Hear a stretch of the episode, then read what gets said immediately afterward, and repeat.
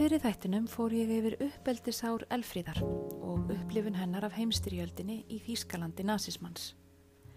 Í þessum þætti fer ég yfir árin hennar á Íslandi. Þegar hér er komið sögu er Elfríða nálgast tvítugt og glýmir við eftirmála styrjaldar. Fjóðverjar börðust til síðasta manns, neituð að gefast upp og voru í lokin farnir að senda unga drengi og gamla menn í stríðið í örvendingafullri tilraun til að rétta hlutsinn, en útsið var með niðurstöðuna. Þýskaland er í sárum, mikið atvinnuleysi og fátakt. Margir hafa mist heimili sín í springjuregni en það sem meira er, fólkið sitt. Tvær miljónir óbreytra borgara letu lífið og hátt í 6 miljónir hermana. Allir þurfa að leggjast á eitt til að lifa af. Ég heiti Sigrún og þetta hlaðvarp er hluti af umfjöllun minni um sittni heimstriöldina og sittni hluti umfjöllunar um elfríði.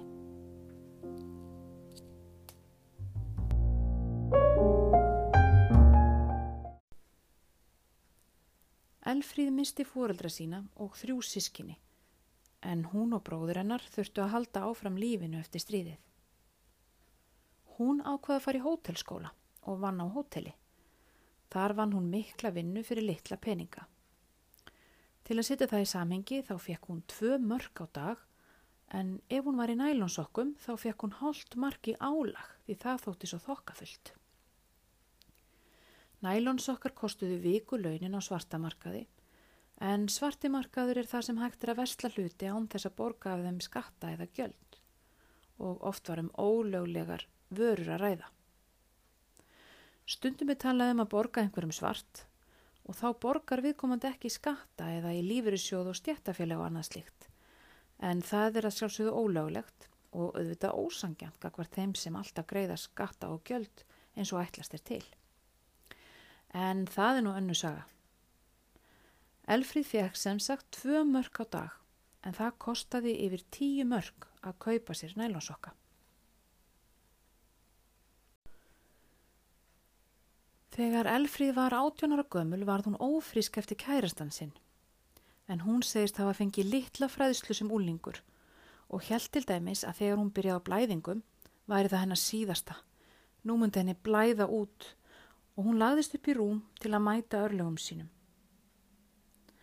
En þegar Ernafrænka hennar komst að þunguninni kom hún elfríði skilningum að, að fæða barnin í þennan heim væri ekki valmöguleiki sem elfríð mætti í huga. Það væri ekki mögulegt að metta fleiri munna. Hún yrði að láta framkvæma þungunarof, en það var kól ólöglegt að gera það. Læknirinn sem framkvæmdi aðgerðina nýtti sér aðstöðu sína og misnotaði Elfríð kynferðslega, vitandi að hann hefði öll spil á sinni hendi. Hún geti ekkit sagt eða gert, því þá geti hann láti handtaka hana fyrir að láta framkvæma ólöglega aðgerð. Hún var ekki svo eina sem lendi í þessu ómenni og hann fór síðar í fangelsi fyrir að framkvæma þungunarof á ólöglegan hátt og misnota stúlkur.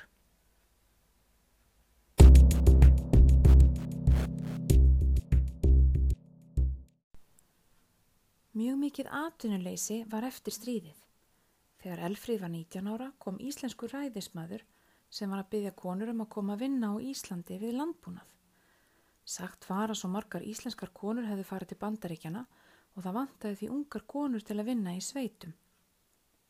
Ættingir hennar voru á mótiði en hinga kom hún í leitað einhverju nýju því hún var búin að fá alveg nóg. Hún ferðaðist til Íslands með tógara. Hún varð ábóðslega sjóveik í upphafi ferðar, en í lókennar var hún farin aðstóða í eldhúsinu og farin að lakka til komunar til Íslands. Hún ímyndaði sér romantískan stóran búkarð þar sem hún myndi passa börn. Við komuna til Akureyrar fóru konunnar í læknisskoðun. Þær fóru svo á Hotel Kea þar sem þær fengu kjöti karri. Elfríð fekk svo far með fiskiskipi til Siglufjörðar þar sem ungur maður tók á móti henni, tók dótið hennar og fór með hann á heimili þar sem var rámakseldavill og allt leitt þokkalega út. Nágrannar færði henni fatnað og allir voru almennilegir.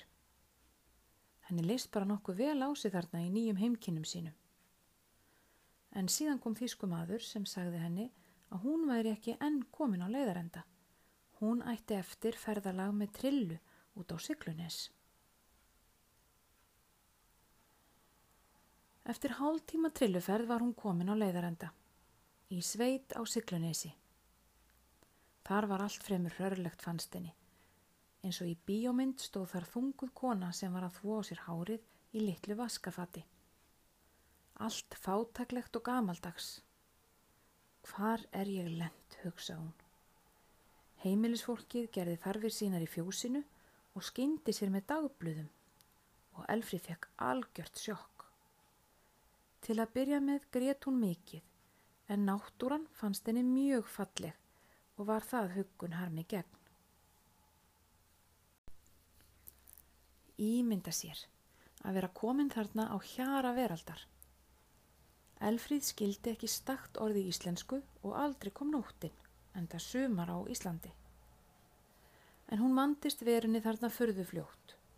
Hún fyldist með húsfreyjunni henni Toppu sem var húsmaðuraskóla gengin, vinna húsverkin og reyndi að læra íslensku af börnunum en það var erfitt að venjast bæði tungumálinu og matnum, en hún nefndi til dæmi súrt slátur sem henni fannst ekki sérlega listugt. Smátt og smátt tók hún við heimilisverkonum. Húsfreyja hjælt til siglufjörðar og egnaðist litla stúlku, en móðurinn var hóruð og Elfríði fannst hún veikluleg. Hún reyndist komin með brjóstakrappamein og þurfti að fjarlæga annað brjóstið, svo Elfríð tók fljótt við hennar störfum húsverkum og þremur börnum. En íslenski húsbóndin var durtur að sögn Elfríðar, leiðinlegur og tillitslaus, bæði við konuna sína og börnin. Elfríð minnist þess ennfremur hver miskunnulegs hann var. Hann var stór og hraustur en þrátt fyrir að konan hans væri mjög veik, leta hann að til dæmis klæða sig úr sokkunum á kvöldin og annars líkt. Þessu hafði Elfríð ekki kynst í Þýskalandi Þar virtist ríkja meiri virðing og jöfnuður millir fólks í hjónabandi. En fólk var nú samt líklega miðsjönd eins og það var margt og vonandi að þetta hafi ekki verið lýsandi fyrir sambund allra Íslendinga. Elfríð hafði áhyggjur. Hún hafði til dæmis áhyggjur af grænmyndisleisi að börnin fengju ekki næga næringu en sjálf ólstunum við það í Þýrskalandi að rækta væri fjölbreytt úrval grænmyndis og ávaksta. Hún var umvafin gróðri og grænmetisræktun var sjálfsagður hluti af tilverunni. Húsmóðurinn hafði ekki jafnað sig af veikindunum og var enn sendi aðgerð og þurfti að taka af henni hitt brjóstið. Littlu börnin voru farin að kalla elfríð mömmu og ábyrð hennar var mikil. Hún toppa dó síðan en sjarma tröllinu tókst þrátt fyrir yfirlýsingar um að honum þætti konan sín óaðlaðand eftir veikindin að gera hana ófríska aftur og var litli drengurinn þeirra hálsás þegar móðir hans lest. Börnin voru sendt í fóstur til sykluferðar eftir hennar dag.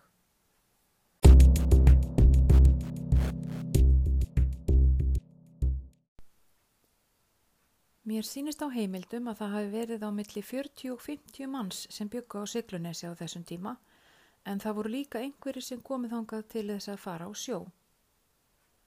Það voru sex eða sjö ungir menn þarna á Siklunesi á aldur við Elfríði.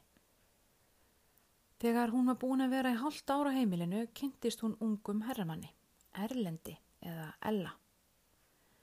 Hann var góður vinur hennar en afskaplega feimin, svo hún áttaði sig ekki almennilega á hvaða tilfinningar hann bar til hennar. Þegar Toppa hafði náð þokkalegri hilsu, áður en henni síðan rakaði á ný, hafði Elfríð ákveðið að halda aftur heim til Þýrskalands. Þá stundi ungi maðurinn upp bónorðinu sem hún tók fagnandi. En þegar Elfríð var um tvítugt hafði hún eignast sitt fyrsta barn með unustanum. Þau voru gefin saman í látlausri aðtöfn. Elli fór á sjó og egnaðist trillu og þau fluttu sig yfir á Siglufjörð. En þetta voru erfiðir tímar og þau upplifðu fátakt og ákóðu því að fara aftur í sveitina á Siglunes. Þau egnuðust þrjú börn með litlu millibili, voru hamingisum og skorti ekkert. Þau voru með allar skeppnur og börnin þeirra vöndust sveita lífinu vel. spjölluðu við gæsarunga og undu sér vel í náttúrunni. Elfríð tók líka að sér tökubörn. Það er börn sem einhverja hluta vegna gáttu ekki dvalið á heimili sínu. Börn sem sendur í fóstur eins og íslensku börnin sem Elfríð hafði annast. Svo fenguðu hjónin vitavarðarstarf og Elfríð tók að sér að taka veðrið á Siglunisvita. Hún minnist þess þegar afmagnið kom og eiginmaður hennar glemdi sér og blésa á peruna þegar hún baða hann að slökva, eins og hafi verið gert við óljulampana. Eiginmaður hennar var ljúfmenni og sambúð þeirra farsæl. Honum fannst mikilvægt að ræða málinn. Hann skildi þó aldrei almennilega blóma ást elfríðar. Hún vildi alltaf vera að rækta blóm og grænmeti allstaðar sem hún gatt komið í við. En eftir 16 ára sambúð fóru þau í heimsóm til Þýskalands þar sem eiginmaður hennar komst í snertingu við blómahafið sem elfríð hafið alist upp við. Þá sat hann með tárin í augunum og sagði Þetta yfirgafstu allt til að koma í harðindin hjá mér. Hún var snjöll að bjarga sér. Maðurinn hennar sagði einu sinni að hann borðaði ekki gras sem var hans mati í skeppnufóður og átti þá við grannmyndið sem Elfrið ræktaði en setna kunni hann vel að meta það. Í einangrunni þurftu þau að geta bjarga sér mikið sjálf en þau voru oft ein í langan tíma því þau byggu mjög afskekt. Eftir tæplega 20 ára búskap hafði fækkað mjög mikið á Siglunesi og þau farin að hugsa sér til reyfings. En þar hefur enginn haft vetusetu um margra ára byll og lagðist byggð þar af árið 1990. Hjónakornunum var þá bóðið vitavarðarstarf á Dalatanga fyrir austan og ákvaðu þau að fara þangað. Þá komin með sjö börn. Hún minnist þess að allir hjálpuðust þar að Ef þurfti að byggja kom fólk af næstu bæjum og hjálpuðu til. Og þrátt fyrir vægðalösa náttúruna tókst Elfríð að rækta upp græmmiti og ávexti. Þá var komin sjálfvirk þvóttavél og ískápur og lífið að verða léttara. Á Dalatanga unnu þau í 26 ár en þá var heilsa húsbóndans farna vestna og komin tími til að færa sig um set. Erlendur lést svo árið 2012.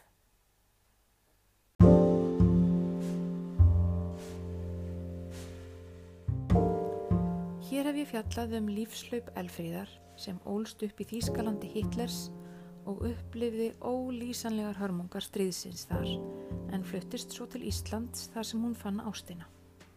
Hún segist stundum hafa fengið heimþrá og viljað flytja aftur til Þýskalands en henni þótti væntum að búa á Íslandi en það búin að byggja upp fjölskyldu hér og hér býr hún enn.